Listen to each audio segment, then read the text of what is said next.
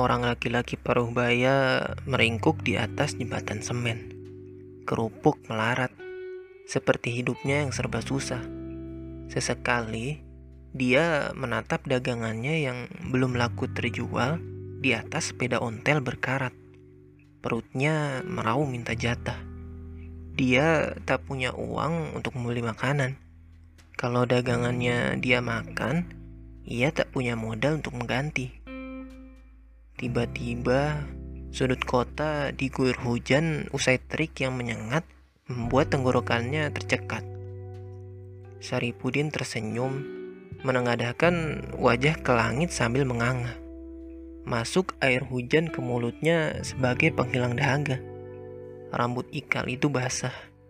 Tangisnya berpadu dalam deras hujan dan mulai menyamarkan suara sesenggukan. Di tengah asyiknya merayakan kepedihan, tiba-tiba remaja perempuan yang membawa payung dan mengenakan baju setengah lengan singgah di hadapannya. Saripudin pelan-pelan mengarahkan pandangan. Perempuan itu tersenyum iba. Pak, mari berteduh di gubuk saya, ajaknya. Saripudin menggeleng. Tidak perlu, Neng. Takut merepotkan. Bibirnya bergetar. Perempuan itu tahu Saripudin kedinginan. Tidak sama sekali. Tanpa perlu meminta penjelasan lagi, dia menarik pelan-pelan lengannya. Sementara Saripudin akhirnya manut mengiyakan permintaan perempuan tersebut. Dia menarik sepedanya perlahan. Saripudin duduk di kursi kayu sambil menelungkupkan kedua lengannya bertumpukan. Badannya menggigil hebat. Dia takut kalau-kalau nanti mati, siapa yang akan mengasuh anaknya yang lumpuh? Saya punya baju hangat ini, bekas almarhum ayah saya. Silakan diganti bajunya. Kamar mandinya di dalam, samping ruang TV.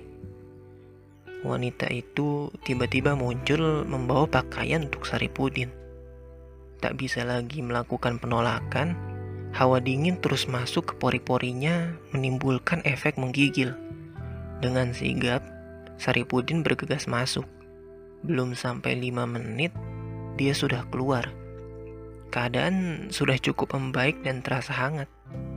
Tak henti dia berucap banyak terima kasih atas kemurahan hati perempuan tersebut. Di tengah pagebluk yang melanda, masih ada manusia yang mau menolong dengan menampungnya di rumah. Padahal bisa jadi Saripudin bawa petaka. Tak lama hujan mulai mereda.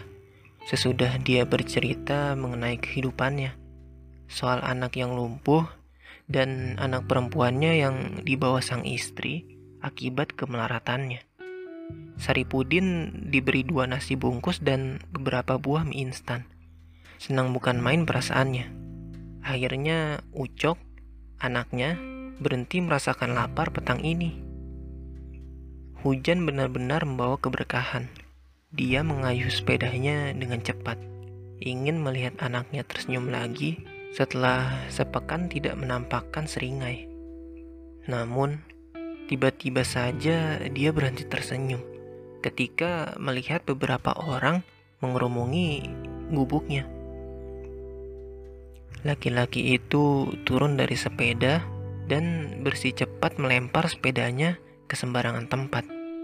Matanya membelalak menatap anaknya benar-benar tersenyum dengan lelap. Sudah meninggal, Pak, ujarnya. Memang banyak yang peduli.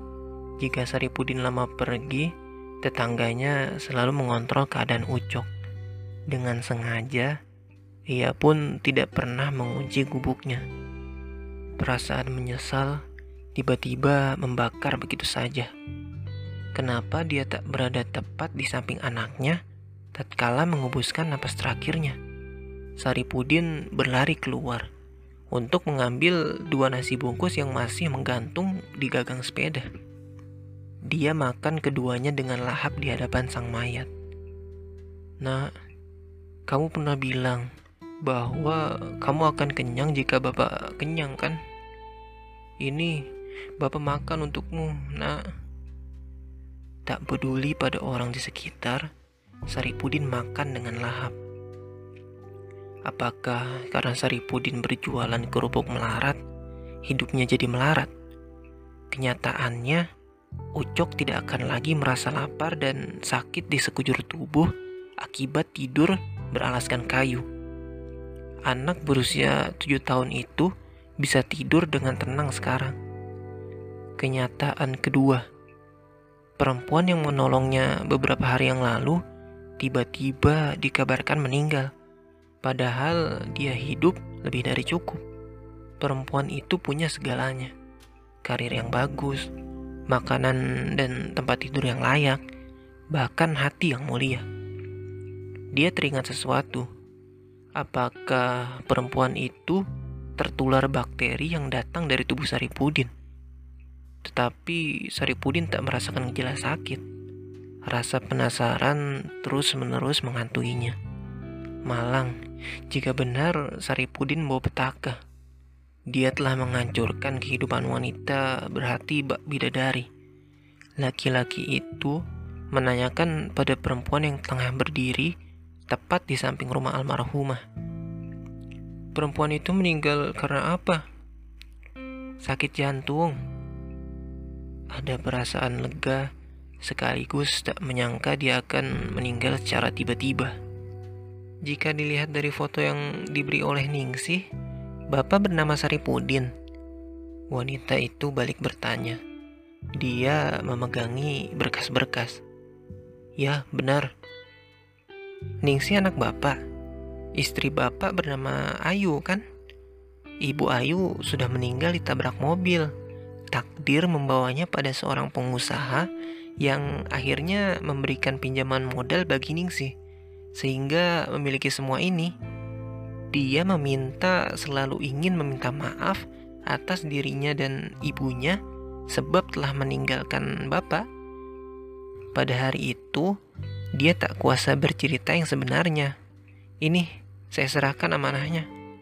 Wanita itu menyerahkan berkas berupa sertifikat rumah dan toko untuknya. Terkejut atas apa yang terjadi padanya, Ternyata kerupuk tak pernah menjadikannya melarat. Segala usaha yang dijalankan atas keridoan semata akan membuahkan hasil yang nyata. Meski waktu yang berikan Allah berbeda-beda.